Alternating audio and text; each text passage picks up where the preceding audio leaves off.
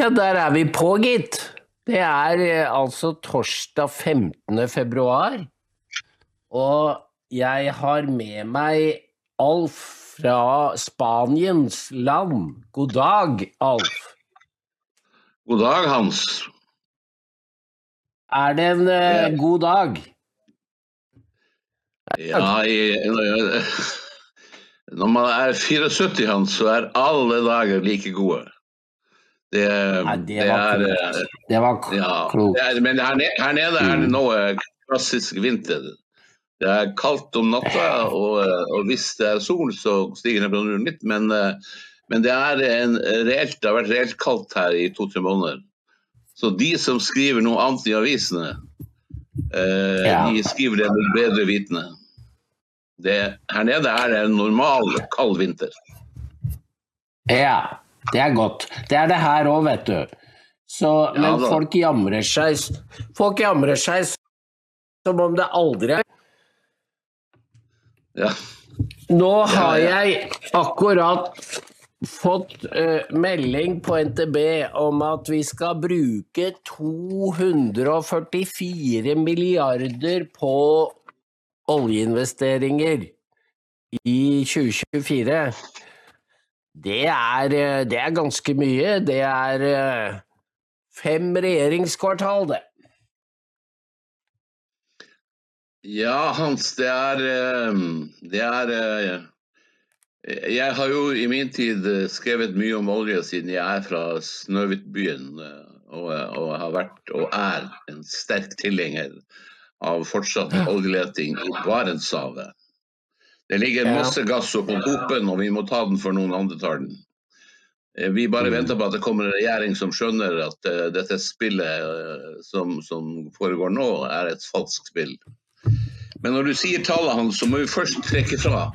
Jeg vet jo ikke om, om all, all denne, denne bortkasta elektrifiseringen inngår i det tallet.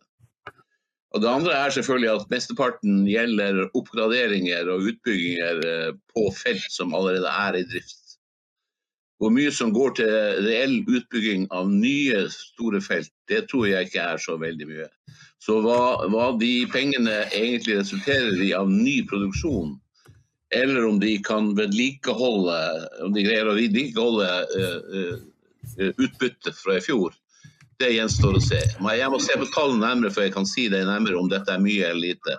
Husk på det, Hans, at olje, eh, olje er som alle andre næringer. Eh, Du er nødt til å investere hvert år hvis du skal opprettholde uh, nivået, produksjonsnivået. Vi leverer uh, et gitt antall kubikkmeter gass, og, et, uh, og det samme gjelder oljen. Og Hvis vi skal vedlikeholde det, så må vi investere i feltene kontinuerlig. Fordi eh, jo, jo mer de tømmes, desto vanskeligere blir det å få ut det som er igjen. Og mer kostnadskrevende. Så, eh, så det, det er den ene siden av det. Den andre siden av det er selvfølgelig hans. Det som alle, alle vi vet som følger litt med, er at de eneste som driver med det såkalte grønne skiftet i høyt tempo nå, det er Norge og kanskje litt Tyskland. Og noen få andre gærninger i Vesten. Det er ingen andre. Det er ingen, ingen som bryr seg om det. Det er en, det er en død idé. Det er en, det er en politisk løgnaktig bløff som blir iverksatt for å skremme folk til, å, å, å, til en revolusjon som vil gjøre til, tilværelsen verre for alle. Og Nå har det gått opp for politikerne at dette er, ikke har folkets tilslutning. Det kommer aldri til å vinne fram uten at de gjennomfører en politistat eller går via en krig. Og de kommer aldri eh, til å vinne frem av økonomiske grunner, fordi at alternativet eksisterer ikke. Alternativet. Det finnes ingenting av vind, sol og andre ting som kan erstatte olje og gass på kort sikt. Så vi er nødt å leve med det, i hvert fall i 50 år til. Og det er klart at De som, de som da, olje- og gassindustrien, blir en closed, en, en lukka butikk i disse 50 årene med, med enorm profitt.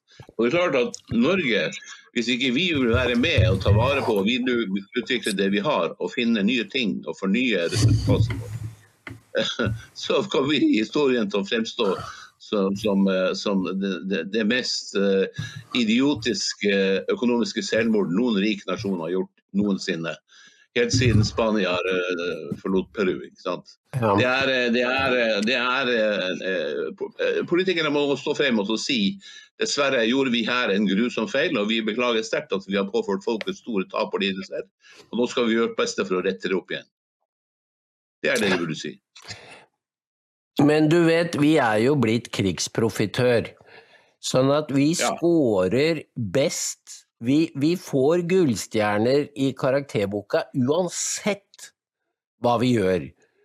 Enten det er Melkøya og grønt skifte, eller det er ø, krigen i Ukraina, så er Norge best. Det er som det er i sangen, vet du. Det er, det er ø, Hva heter det? Det er ø, Er Norge førstemann? Det er det vi vil være. Ja! så på morgenen i dag da, så kom jo meldingen om at Norge skal være med å trene ukrainske marinesoldater i eh, småbåtoperasjoner, og jeg satt og så på denne formuleringen og tenkte at det må jo bety sabotasje. Og det kom jo frem da forsvarsministeren ble intervjuet på eh, Nyhetsmorgen i Dagsnytt her, at eh, jo da, det er det. De, de skal sikre eh, havner og elveløp og så videre. Så da er det et stort men hva det er Norge innlater seg på. Men det, har, det, det spørsmålet stilles jo ikke i NRK. Hva tror du?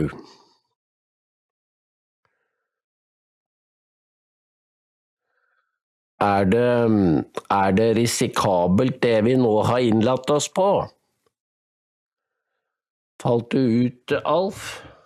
Eller er det meg, eller hva er det for noe? Kan jeg bruke telefonen? Eller? Nei, disse søylene går her som vanlig. Går det? Hørte du hva jeg sa?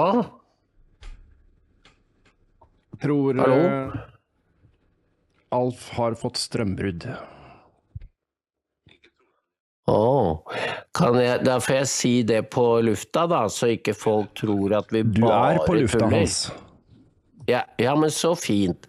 Da hørte dere det, kjære lyttere, at i Spaniens land For de holder jo også på med grønt skifte.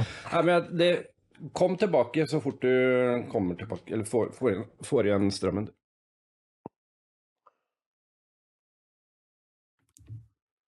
Ja, det var jo noe dritt, da. Vi som var så godt i gang. Men eh, jeg eh, småprater litt i mellomtiden, fordi eh, vi jo Vi er jo forsiktige med å ikke ta munnen for full. Men sporene går jo en, går jo en vei, og det er mot stadig nærmere konfrontasjon med Russland, den lille naboen vi, altså, vi er en liten nabo til Russland, og nå engasjerer vi oss altså i direkte opplæring av de som skal sabotere russiske skip, som de nettopp gjorde, og havner og infrastruktur, fordi Ukraina fortsatt har som mål å gjenerobre Krim. Det har vel Putin gjort klinkende klart at det kommer aldri til å skje. Og at det ble jo stilt spørsmål da på Dagsnytt er det sånn at dette store angrepet mot Ukraina i dag er en gjengjeldelse. Så det sa Morten Jentoft at det var nok planlagt, men det kunne ikke utelukkes at det var en kobling. Og det er det da vi involverer oss i at hvis Ukraina klarer å senke flere russiske skip, eller sende inn eh, sabotasjeteam, for det var det snakk om, eh, så vil jo russerne se på hvem er det som har gitt dem utstyr. Vi skal gi dem utstyr for 60 millioner. Hvem er det som har trent dem opp? Jo, det er Norge. Og da er det, som til og med Jens sier, krig er en uforutsigelig business. Det er ingen som vet hva som skjer. Og den risikoen Norge nå løper, blir jo ikke tatt problematisert i mediene eller i Stortinget.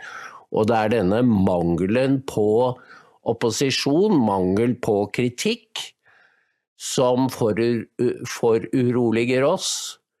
Og det er, jeg velger å si det er et brudd med norsk tradisjon at vi endrer sikkerhetspolitikk uten at det er debatt om det. Det, det hersker en konsensus som ikke er sunn, rett og slett. Fordi det er ingen som tar til motmæle, det er ingen som stiller spørsmål. Og det gjelder altså forholdet til Russland, som er vår viktigste nabo. Disse spørsmålene er Vi har holdt på med dette en god stund, og, og vi, må, vi, må, ikke være redde for å si det som jeg tror veldig mange nordmenn egentlig tenker og er enig i. Det var, det var et Det virker nesten som om Norge og Stoltenberg da i sin rolle er blitt høye på seg selv. Eh, nå, eh, Stoltenberg var jo nettopp i USA, og nå sier han til Hvem er det han sier det til? Uh, ja, han er i Brussel og sier at kommer med råd til Kongressen at nå må de få igjennom denne Ukraina-pakka på 60 milliarder dollar. For det er en, en investering i USAs egen sikkerhet. Han neglisjerer, overser da glatt, den sterke motstanden nå er hos republikanerne mot nok en stor pakke til, til Ukraina mens grensene i sør står vi åpne. Og i natt så var det, eller i går kveld, så var det skyting i, under eh, den feiringen av, eh, i Kansas City av The Chiefs uh, uh, seier i uh, Superbowl. Og um, da bruker Tove Gravdal det som eksempel på hva som skjer med, i delstater med liberale våpenlover. Hun neglisjerer, hun fortier at Biden har sluppet inn ti millioner illegale som ingen aner hvem er. Vi vet at flere hundre står på FBIs terrorliste. Og Trump har sagt at det er eh, det vil komme terrorangrep. Og vi, visst, vi, vet ikke hvem som skjøt i går, men når vi, når vi, kjenner til hva slags folk som kommer inn over grensa, fordi land som Venezuela og de mellomamerikanske statene og Colombia de tømmer sine fengsler og sender dem nordover. Da er de jo kvitt et stort problem. Eh, Fidel Castro gjorde akkurat det samme på jeg tror det var på 70-tallet. Eh, da kom det psykiatriske pasienter og kriminelle i båt til Florida.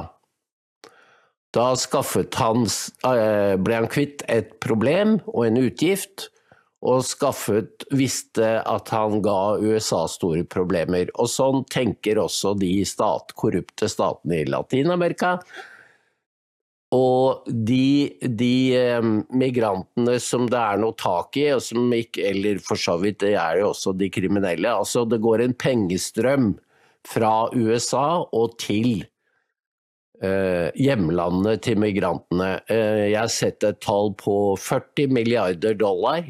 Det er mye penger. Og da har man vel ikke tatt med narkotrafikk og den slags. Tror vi har med Alf igjen. Ja, ja, jeg er tilbake, mine venner. Ja, det var hyggelig å høre, Alf. ja. Det var, eh, det, er, det var sikkert gassleverandøren som slo til da jeg var stor i kjeften. ja. Det går bra. Men eh, da er vi tilbake i Ukraina, og jeg må jo si at jeg blir vettaskremt over at man normaliserer at man er på vei mot Vi driver jo nå stedfortrederkrig mot Russland. Det er det ingen som helst tvil om. Det er ikke å ta munnen for full. Og hva kan det føre til, når vi ikke selv har noe forsvar? Det er jo Hans, du, du, du, du fremhever eh, det store paradokset i det som nå skjer. For det første så må alle som leser aviser og følger med, eh, legge merke til at eh, mens propagandaen inntil for si, et par måneder siden gikk ut nesten på at seieren var nær og at Russland ville være god i oppløsning som følge av sanksjonene, så har jo utviklingen siden vist at Russlands økonomi er blitt den sterkeste i Europa på grunn av, av, av uh, Til tross for uh, alle, alle, alle, forbud som de har mottatt. Mens økonomien i Europa, og spesielt i Tyskland, som er, har vært motoren i Europas utvikling, er på full fart mot styrka. Og det samme gjelder vår egen. Og Samtidig så ser du at fra, fra, å snakke om seier, så gikk man over til å snakke om en langvarig krig. Og nå snakker man om at vi må være klar til en ny krig som kan skje. Noen sier tre til fem år, andre sier ti år. For meg, det, Dette er for oss som har levd med nyheter og, og hvordan eh, nyheter eh, formes hans, så er jo dette en helt klassisk propagandamanøver. Og, og, det er jo slik at I Washington, antageligvis i, en, i, en, i sentrum der, i en, en forretningsgård, så sitter det sikkert flere hundre som jobber, som er propagandaeksperter, og som jobber med hva hver enkelt politiker og general skal si. Disse politiske generalene hans er betalt millioner for å si det de sier.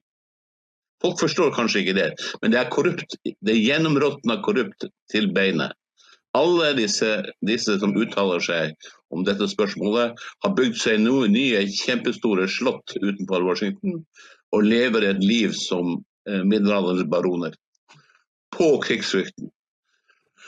Og en av måtene hans Du vet, eh, hvis du går på et nederlag som du, du her kunne frykte i Ukraina, som, som, så viser det seg at, at, faktisk Nato har vært med å drive fram denne krigen, som hadde Russland som mål og skulle gjøre Russland til en utfattig pariastat, som er et amoralsk mål. Så vil det nødvendigvis medføre et enormt politisk oppgjør. Og den, De som sto bak dette, det gjelder toppledelsen i EU, toppledelsen i Nato og mange mange regjeringer, inkludert vår egen, ville måtte gå av normalt i folkestyret. For de gjorde tragiske feil som ledet oss inn i en krig, og det er det verste. fordi at det er borgernes sikkerhet som er oppgave nummer én for en regjering. Og det er jo den de svikter ved å, å, å involvere Norge i en krig som kan ende i en atomkrig. Så vi er der, Hans, i dag. Og så finner de på det nye. Og grunnen når de sier fem til ti år, er jo ikke at de vet det, eller at de egentlig tror det. Men det er jo for å dekke over at egentlig så var det bra vi tok denne krigen nå. For nå har vi altså klart å skyve Russlands aggresjon ti år inn i fremtiden, slik at vi får tid til å forberede oss enda bedre. Tenk deg han som de nå skal gjennomføre det grønne skiftet mellomtida. Eh, du, du snakka om små båter da, jeg, da strømbruddet skjedde her. Eh, men det kan jo hende at det var roboter de mente at vi skulle, nå skulle erstatte eh, MTB-ene med roboter. Og, og, og stridsvognene skulle drives med vindmøller eller solcellepaneler. Vet at dette er, jo, dette er jo dratt ut i det totalt absurde. Et avindustrialisert Europa har ikke lenger noen våpenindustri, og kan derfor heller ikke føre, føre krig. Dette, dette, henger ikke, så det paradokset ditt er det, det henger ikke på greip på noen, hvordan du enn ser på det. Og de som, de som står bak og formulerer dette, vet at de lyver. Og, og det, det, for meg er det uforståelig. Det er utilgivelig også at de gjør det. Mm. Mm.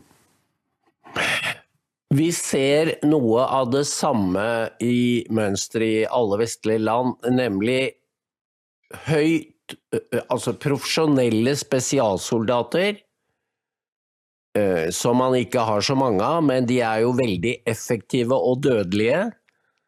De er jo som en skarp dolk.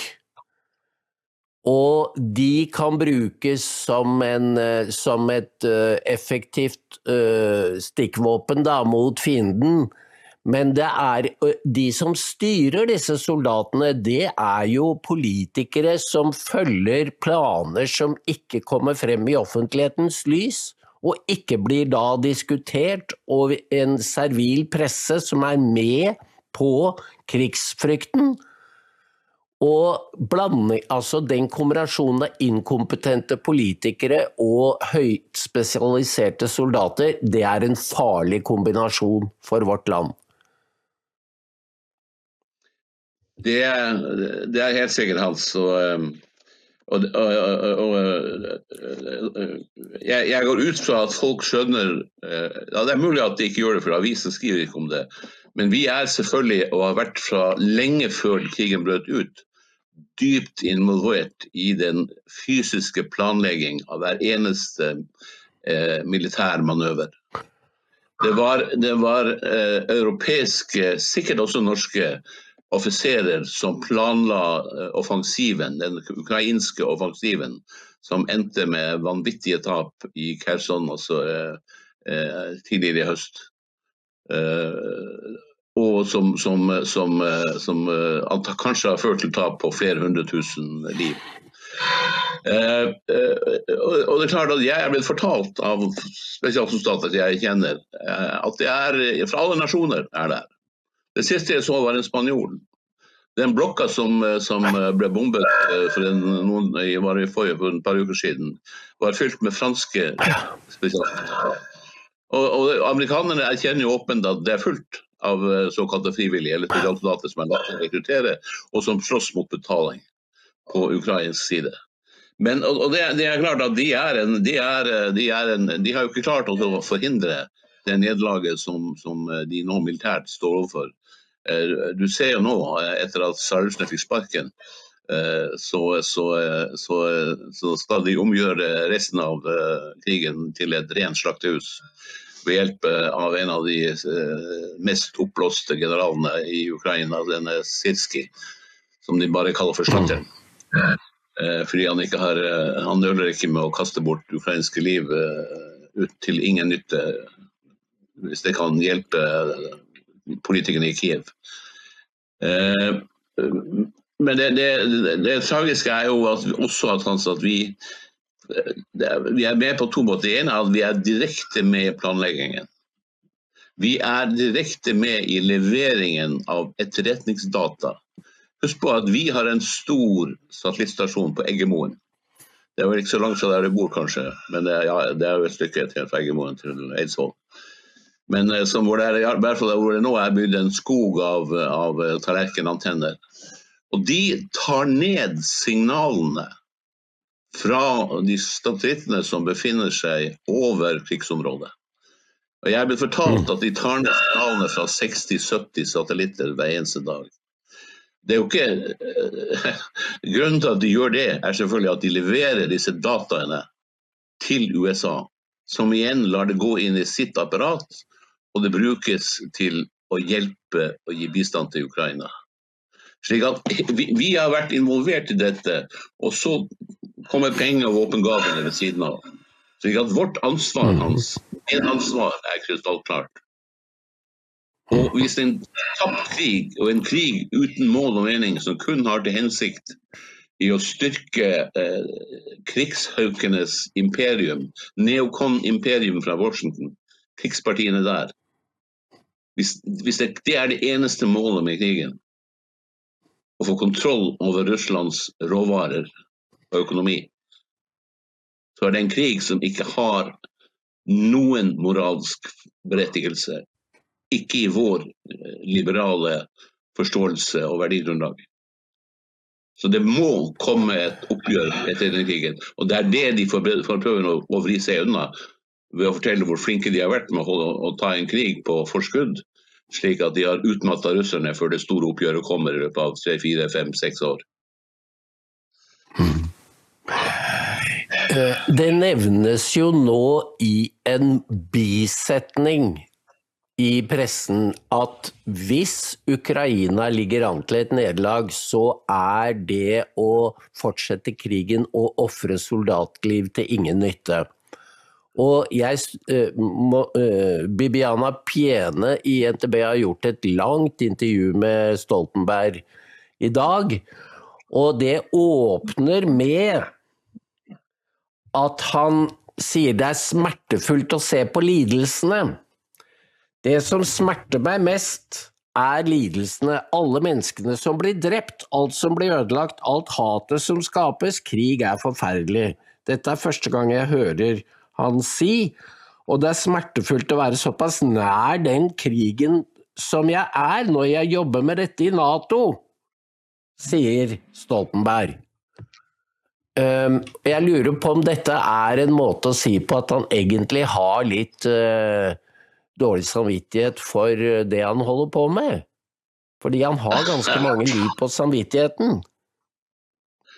Hans, jeg, jeg tror ja. egentlig du, du er en, en, en, snill og god gutt fra Eidsvoll som uh, uh, Ja, jeg skal ikke Du er jo det. Men når, når, jeg, når, jeg, hører Stoltenberg, som har vært sjef for Nato i ni år, og intimt involvert i planleggingen, og har et sentralt ansvar for denne krigen, sammen med Støre-regjeringen, som han snakker med hele tida han er jo Norges representant i Nato også. Så det er klart at Når han kommer frem, så han jo, blant annet så har jo vi eh, forsøkt å fortelle publikum at han må ikke få Folkets fredspris, men han er den siste som fortjener det. Han må, han, han må for godt ha skandalisert seg i folks øyne, slik at hans politiske sluttkarriere er nå over. Han får ta alle millionene i skattefrie dollar han har mottatt, og sette seg rolig ned. Og så kan han jo gråte krokodilletårene hjemme, hjemme på loftet.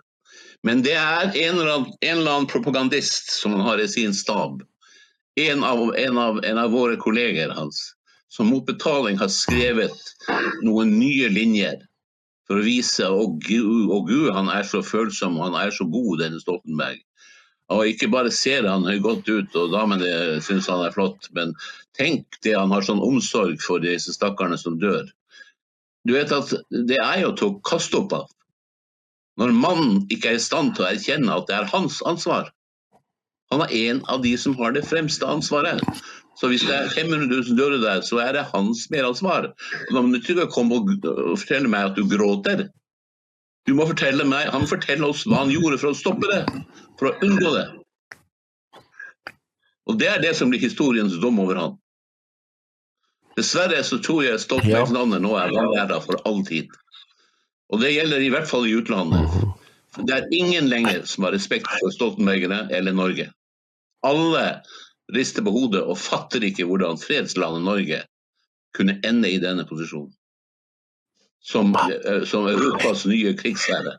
Anført eh, av Stoltenberg, som, som, eh, var mot Nato i gamle dager.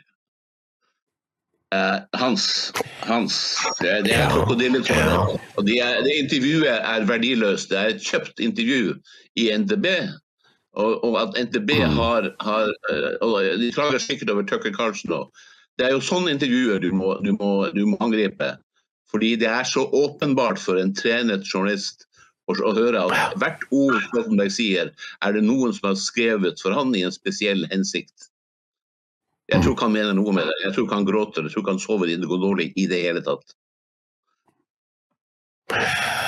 Nå åpner Han har vel gitt Det er forsvarsministermøte i Brussel i dag, og så drar han jo rett til München, for der åpner sikkerhetskonferansen som skal pågå og der kommer det 50 statsledere.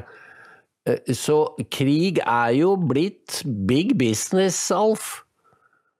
Og Ja, og Stoltenberg er en av de mest prominente. Ja, det har alltid vært det. er jo en del, det er jo ikke disse karene, vet du. Send dem til skyttergravene. Og La dem være der i 14 dager, så skal du se hvordan de ser ut. Men det er klart at å dra på eh, Alle vi som har vært i München, så vet vi at de hotellene i München uh, både hva det heter, Fidelseiten og alle de andre, så er det klart at det er jo kjempehyggelig med å bo på femstjerners med suite. Han er jo generalsekretær, så han har sikkert toppsuiten. Kanskje han har brudesuiten. Og så har han bil med sjåfør, og alt er servert og alle utgifter betalt. Han, har, han betaler ikke en krone sjøl i noen utgifter. Og det vet, jo, det vet vi jo fra før av, fra da Torvald var varaordfører i Oslo. Så var det én ting som var kjent med Sondre-familien, var at de, de var glad i penger. De var meget sparsommelige, og de var glad i penger. Så for Jens er det sikkert her en fantastisk opplevelse å være på crème de la crème, på toppen av verdenseliten, og diskutere såkalt sikkerhetspolitikk, istedenfor å sette sin stilling inn og si at jeg er imot meningsløse drap på titusener av mennesker. Og Her snakker vi kanskje om 1000 døde hver eneste dag hans. 1000 døde, og det inkluderer kvinner og barn. Hvem har samvittighet til å, til, til, å, til å, leve med det? Hvis du kan Han kunne jo bare gått av. Jeg, jeg, kast, jeg setter min stilling inn og går hvis ikke, hvis ikke dere snur. Han gjorde ikke det. Så hva betyr det, Hans? Jo, det er en mann uten moralsk ryggrad.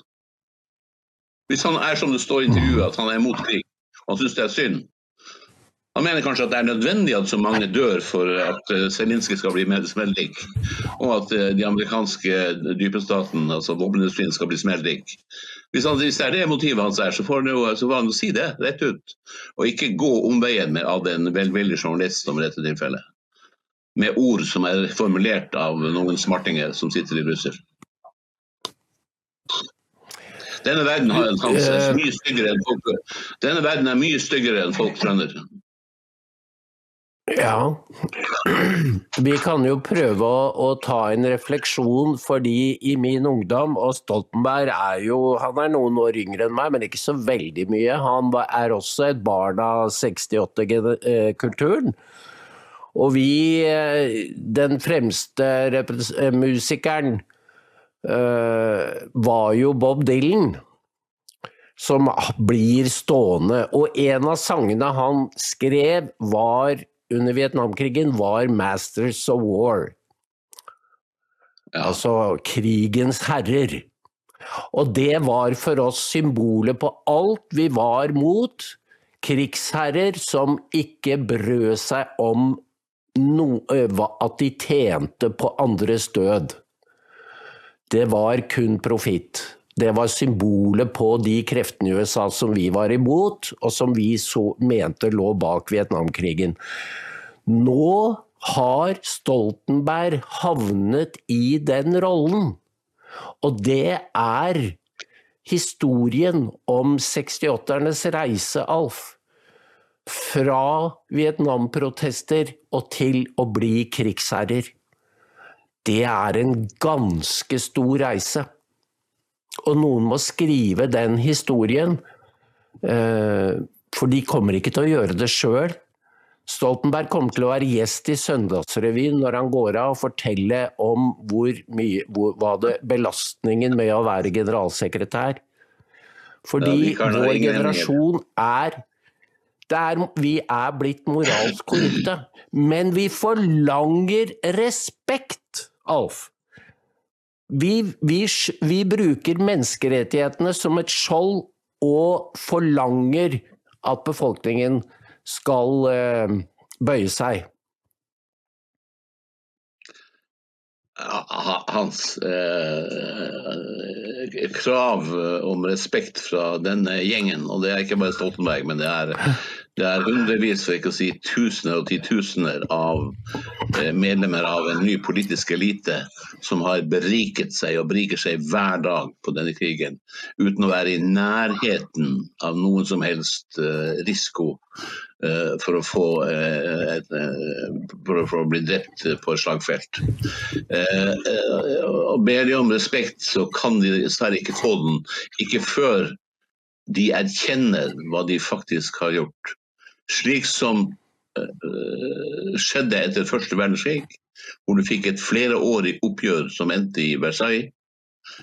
Og også etter annen verdenskrig, hvor, sånn, hvor, du faktisk enda sliter med ettervirkningene av oppgjøret.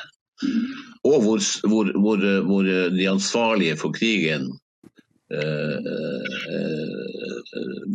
fikk gjennomgå du kommer altså inn i et her. Og det er klart at Hvis vi tror, eller hvis Stoltenberg tror at du kan iverksette en krig i Sentral-Europa på denne måten, innbiller folk at det dreier seg om, om Ukrainas demokrati, mens det i virkeligheten er et forsøk på eh, er altså en proksekrig mot Russland for å gjøre landet til en pariastat og erobre landet økonomisk, det som Wall Street forsøkte å gjøre uten krig i 1990-åra, til de ble stoppa av Putin. Uh, uh, uh, ikke sant? De, de, de, det må komme et oppgjør. Og opposisjonen, Den politiske opposisjonen må jo se det, for det er de som har våpenet her. Det er de som har myndighetene til å formulere det oppgjøret i et valgmanifest hvor, det, hvor, man, hvor man, inviterer til, til, å stemme på kandidater som vil ha et oppgjør, og fjerne disse som er ansvarlige for krigen. Og da blir det ikke mange igjen, Hans. Og du vet, Hvis du ser på Stoltenbergs reise, så er jeg jo enig den i de generelle trekk. Og jeg er selvfølgelig også enig sier jeg, jeg hørte Bob Dylan forresten på en utenlandsstasjon her. Um, med, og, og, og, det er, var jo det er jo så vi gamlinger for, for, for tårer i øyekroken. Men du vet at eh, Soldenberg tilhørte jo uh, den falansen i, i, i AUF som man, som man og innenfor Arbeiderpartiet som helt til i hvert fall 1983, hvor man frykta at de ville sprenge Arbeiderpartiet pga. den motstanden de hadde mot utplassering av uh, mellomdistanseraketter i Europa. Hvis du husker den mm. store striden om atomfrie soner osv. Der hvor Treholt rørte i utkanten. Ja, som er en av de store. Ja. Der, var, der var selvfølgelig Stoltenberg eh, midt, i, midt inn i dette. her. Men så kom jo en mellomperiode hvor han begynte sin yrkesaktive rolle som fulltidspolitiker. Og hva gjorde han da? Han begynte å spise lunsj med KGB. Og hvorfor gjorde du det? Jo, Hans, fordi at Kåre Willoch ledet i 1990, rundt ca. 1990 en ny forsvarskommisjon som skulle, som skulle, trekke opp linjene for en ny forsvarspolitikk etter at muren var falt, og etter at kommunismen var død. Der satt Stoltenberg. Så hva tror du russerne, Kirillov heter førsteoffiseren hans, jeg har alle notatene foran meg her. Hvis noen vil. Jeg har publisert dem før, og jeg gjør det en gang til. Der står det tydelig hva, hva, hva, hva som ble diskutert. Hva KGBs mål var med å forsøke å rekruttere han. Jeg sier ikke at han ble endelig rekruttert, men han var veldig nær. Og Hadde det ikke vært for at én modig russisk KGB-offiser, en major, som heter Budkov, som mm. kom over navnet og forsto hva som må skje, advarte politiet, som igjen gikk til Stoltenberg og, sa, til, og til regjeringen og sa dette må du stoppe med. For dette kan føre deg fullstendig på avveier. Og så fullfører han reisen hans fra 90-tallets flørting med KGB til å ende opp på motsatt side, som generalsekretær i Nato. Og det er jo CIA som står sentralt i den krigen, helt siden de iscenesatte Maidan-revolusjonen sammen med de ukrainske nazistene. Det er jo ikke til å tro at en mann med den bakgrunnen kan gå inn i denne type rolle og fullføre det han har gjort. For det er klart, Har du vært, har du vært leder av Nato i ni år, så har han også vært med på for de, de, de inngikk jo disse avtalene med Russland for å holde Russland rolig, mens de bygde opp Ukrainas hær fra 2015. Så i de neste fem-seks åra så ble jo Ukrainas hær med hjelp av, av, av milliardgaver fra Vesten gjort til en av de sterkeste i Europa. Altså, og dette var jo NATO, dette var jo under Natos oversikt. Og, og Det er jo i denne perioden at Stoltenberg skulle ha stoppa dette. Den som ledet opp til 2022. Og Det er jo dette her som blir gjenstand for en bred gransking. Hva gjorde de? Hva gjorde Støres regjering? Hva gjorde de andre regjeringene? Hva visste de?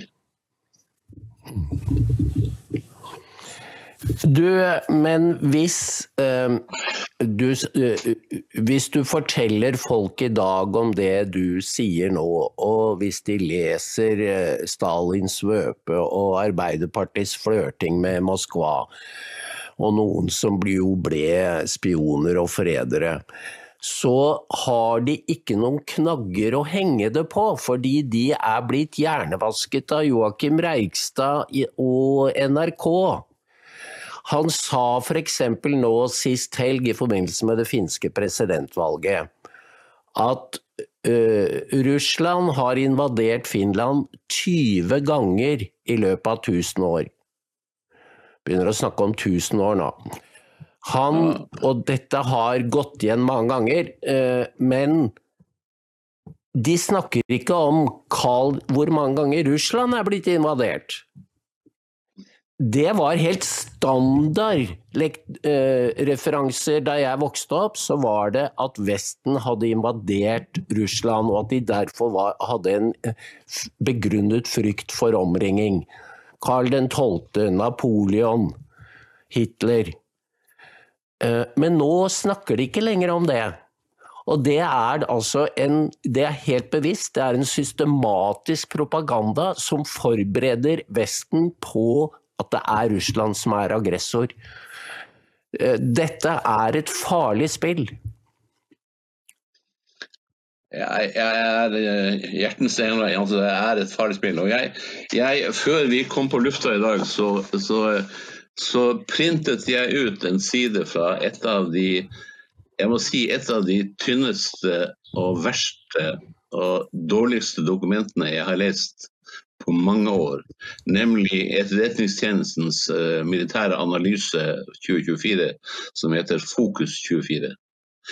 Og jeg er, etter å ha lest hva denne staben, som får milliarder, milliarder av kroner i året for å, for å gi regjeringen eh, riktige rådet om, om, trusler, om, trusler, eh, om ting som truer Norge, og om, om hva som bør gjøres med det. Hva den får seg til å skrive er ikke til å tro.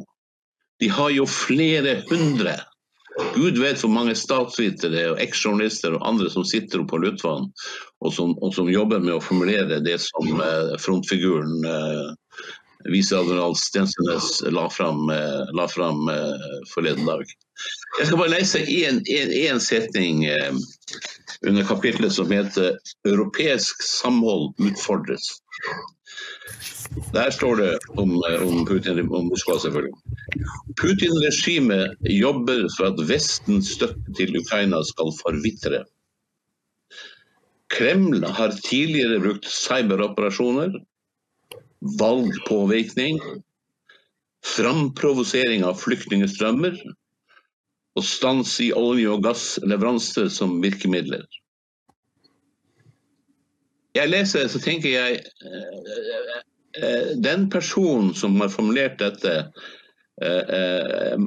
må jo være både døv og blind, og, og, og heller ikke ha noen som helst skolegang eller viten om verken gammel eller ny historie.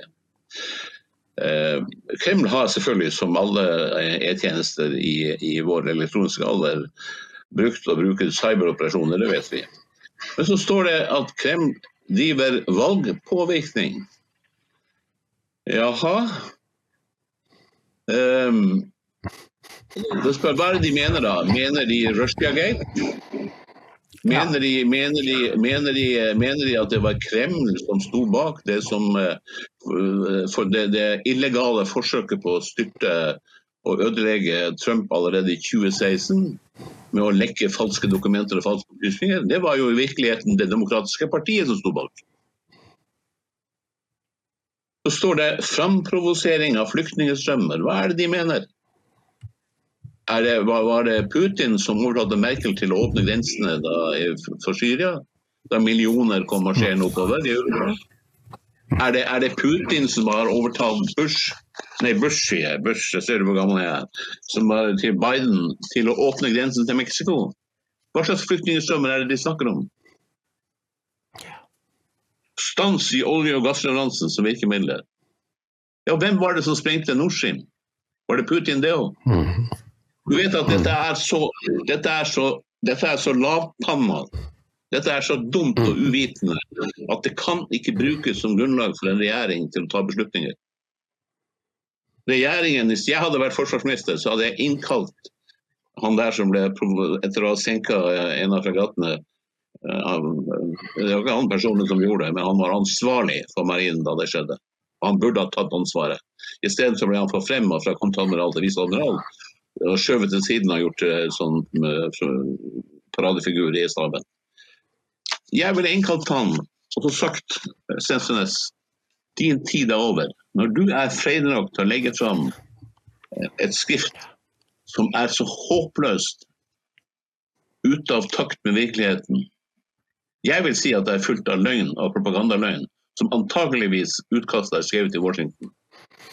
Men det viser hans at de milliardene vi nå bruker til E-staven, går inn eh, som et ledd i en politisk drevet krigføring på vegne av krigspartiene i USA og England og andre steder.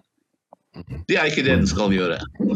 E-staben i Norge skal være eksperter på våre nærområder og fortelle oss hvilke trusler eh, som, som må stå overfor. Enten det gjelder Russland eller andre. Og jeg, jeg ser ikke sant, at politikerne slenger rundt seg nå. Ja, vi, vi, vi må, generalen også. Ja, vi, vi må, russerne vil gå til krig om tre til fem år, sier noen. Eh, noen sier vi, vi får en krig om, i løpet av innen ti år. Men du vet, Hans, dette, dette med å spå om fremtidige hensikter det er jo det vanskeligste enhver kan gjøre. Og det er også den vanskeligste jobben en etterretningstjeneste har. Vi vet at USA mista nesten alle sine sentralt plasserte kilder i Kreml, høyt oppe i det russiske maktapparatet, da eh, forræderen Ames og noen til eh, eh, solgte ut sine kolleger eh, til, til KGB hvorav eh, mellom 10 og 20 ble henrettet. Eh, siden har jeg blitt fortalt at det har vært store vanskeligheter med å plassere agenter. Så jeg tror ikke Vesten, verken USA eller Norge eller andre, har et særlig høyt antall høyt plasserte agenter som kan fortelle regjeringene i Nato og i USA om hva som foregår i Putins hode. For det er det vi snakker om. Hva planlegger han om, om, om, om fem år? Og de får, har i hvert fall ingen mulighet til å få tak i dokumenter som beskriver det. Det er ingen som har henvist til et dokument. Dette er en ren gjetning. Ikke sant? Så i realiteten er det, Du må gå og spørre hvem var det i 1935 som forutså at krigen ville komme i 1940? Hvem var det, ja? Du visste mer om hva Hitler sa enn du vet om, om, om noe annet i dag. Putin eller andre. Ja. Se på 1985, fem år før muren falt. Hvem var det som sa at muren kom til å falle og Sovjetunionen ville være en saga blott om fem år? Ingen. Ingen så det. Så når de sier dette, så er det kun for å skremme folk. For de har ingen sikre data til å underbygge dette med. Og hvis de har sikre data, så må, de, så må det de de må legge frem og fortelle hvor, hvor, hvorfor de tror at, at russerne har angrepshensikter som de har benektet gang etter gang. Og det er ingenting som tyder på at de har angrepsønsker overfor Europa. Ingenting. De har mer enn nok med å ordne opp i den situasjonen som Nato har skapt i Ukraina. Du, til og med Støre, han var nemlig i Dagsrevyen i går, fordi da skulle Da var problemstillingen at det er krigsfrykt i befolkningen. Så Støre ble innkalt da for å berolige folk. Og jeg hørte på han, og han snakker som en Han snakker til oss uh, som vi er små barn og han vet best, og det blir Åse Vartdal Det stilles ikke kritiske spørsmål lenger til politikerne når de er i studio, uansett hvor alvorlig spørsmål som tas opp. Så, si, så spør jo hun, men kan ikke Russland finne på å angripe oss? Og så svarer han eh, nei, det har de ikke mulighet for, fordi soldatene på Kolahalvøya er sendt til Ukraina. Og det snakkes det ikke så mye om, at Russland rett og slett ikke har kapasitet. Men da er det kanskje ikke en så stor og farlig fiende som det de gjør det til. Altså, når du ikke hører uoverensstemmelsen og diskrepansen i det som blir fortalt, og stiller kritiske spørsmål, så har du jo ikke lenger noe eksistensberettigelse som en public service-kanal. Ja, det, det er, forfallet i NRK er tragisk å, å iaktta. De, de, har glemt det som er journalistikkens vesen. Og, og, hva du, det, det, journalistikk er mange ting, Hans, men det er én ting som er journalistikkens ånd. Det er kritikken. Det er derfor vi er her. Og Da må du stille først og fremst være stille og tørre å stille kritiske spørsmål. Og det er klart at hvis, hvis, hvis, du innkaller statsministeren uh, fordi at det er krigsfrykt å konfrontere han med det i befolkningen, så må du jo også spørre ham om er det ikke så kanskje at det er Nato som har fremkalt propagandistene i Nato som fyller avisene med krigspåstander, er det ikke de som har skapt denne frykten? Og hvorfor har Støre så vært med og velsigna denne propagandaen? Fordi realiteten er jo, som han helt riktig sier, og som alle som følger litt med, vet, at den 200, jeg tror det er brigade nummer 200 som vanligvis ligger på Ola, den er eh, i, i, i, i, kampområdet i, i, i ved Dnepr, eh, ved Ukraina. Og, og, og så, så, så eh, alt det jeg leser og har lest om dette, eh, indikerer. Og det er jo det E-staven før var eksperter i å følge med på.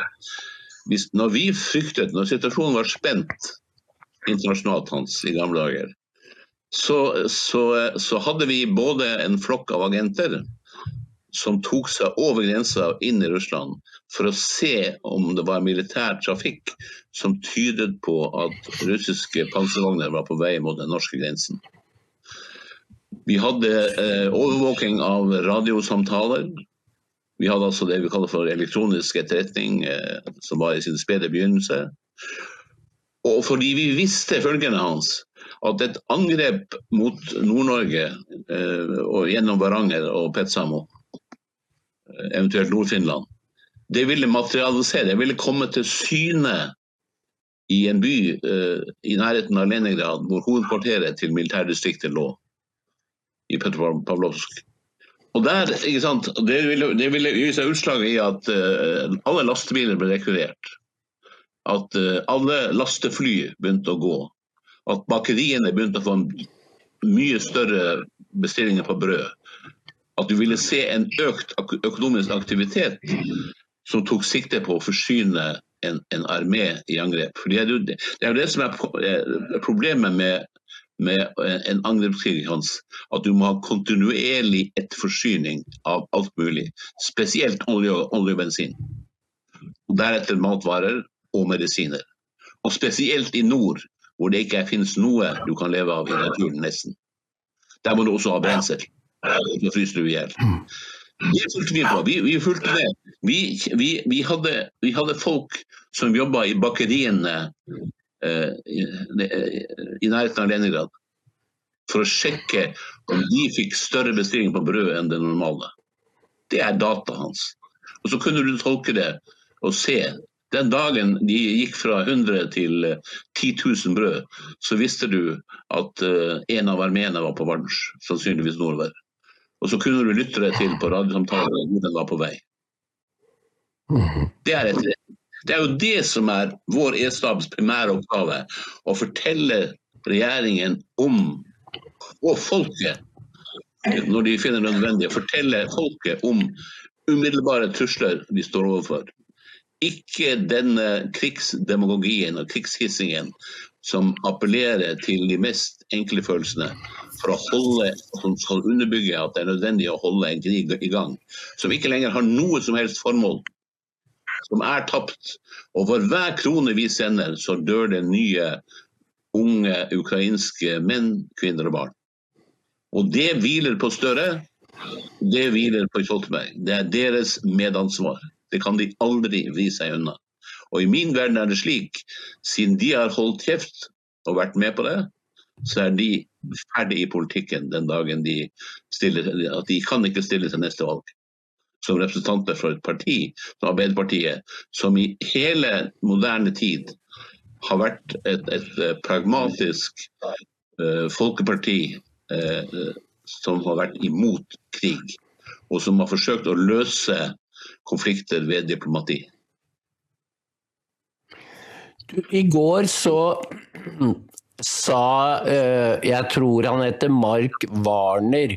Han er formann for forsvarskomiteen i Representantenes hus, republikaner, da, som sa det er en stor sikkerhetstrussel mot USA. Vi må få eh, på bordet hva den går ut på.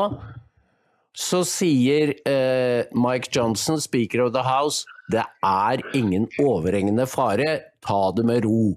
Så kommer det ut via CNN at det er Russland som har planer om å utplassere atombomber i, i eh, stratosfæren eller eh, space. Og altså sånn at du har et demoklasverd som henger over hodet på oss eh, permanent. Og da kan du jo piske opp en krigsfrykt, vet du. Og dette er det vi Dette er valgåret 2024. Dette er for å piske opp en stemning som gjør at Kongressen eh, føler seg tvunget til å stemme gjennom en ny pakke til Ukraina. Det er sånne metoder de nå bruker. Ja, jeg, jeg, jeg, jeg har, har, ikke nok kunnskaper til dette, disse nye våpnene i, i verdensrommet. Men allerede Reagan begynte jo med Star Wars i, så tidlig som i 1981. Og det er nå hans det er snart 45 år siden. Så, så, jeg håper da ved Gud at disse milliardene som vi har sprøytet inn, særlig USA har sprøytet inn i, Det er vel i år 800-900 milliarder dollar eh, som går inn i forsvarsbudsjettet. Eh, at det er, brukt til forskning på hvordan du kan, eh, du kan eh, møte og slå ut denne type våpen. Men det er klart at hvis alle pengene i våpenindustrien, hvis du avindustrialiserer flytter industrien helt fra stålindustrien til kjemisk industri, til elektronisk industri, til den tredje verden, som USA i stor grad har gjort, fordi det er billigere, og bruker alle pengene hjemme på det grønne skiftet, så skjønner du at det finnes ingen industri som kan bygge våpen som på kort sikt kan møte en trussel. Det er jo det som er paradokset, som du nevnte ved starten av vår samtale i dag, Hans. Det er et paradoks her. Hvis vi fører den politikken vi gjør nå, så vil det også gjøre oss forsvarsløse. Denne politikken henger ikke på greip. Den vil frata folk velstanden, den vil ødelegge vårt økonomiske fundament, og den vil til sjuende og sist gjøre at også Forsvaret faller sammen. Hvilken politiske Eh, ideologer er det som har satt i gang et prosjekt som er så vanvittig. Og vi er verdens rikeste land.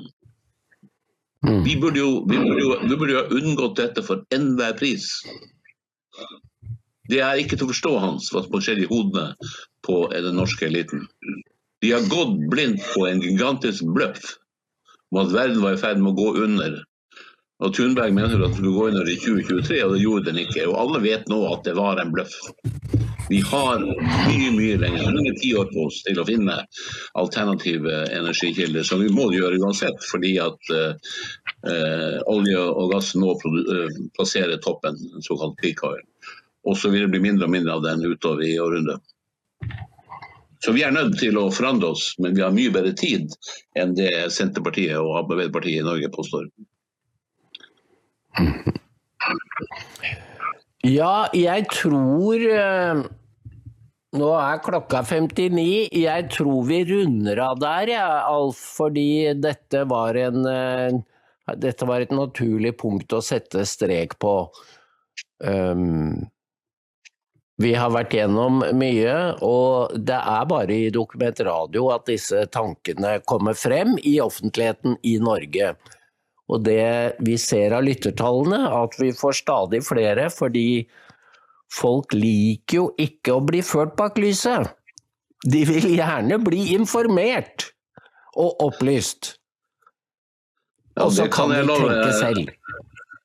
Ja. Det kan vi love, Hans, at de skal ikke bli ført bak lyset i dokumentradio. Vi skal gjøre hva vi Takk kan for å få frem saken. Bare hyggelig. Takk for i dag.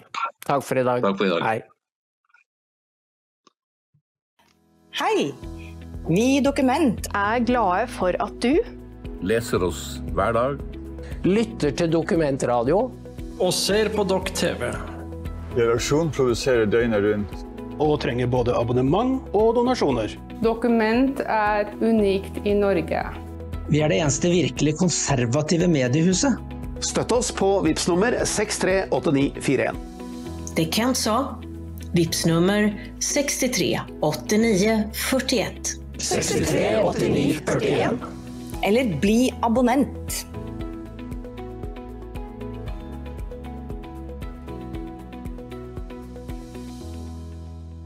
Er du lokallagsmedlem? Mm, ikke det? Nei, da har du muligheten å melde deg inn. Velkommen til oss.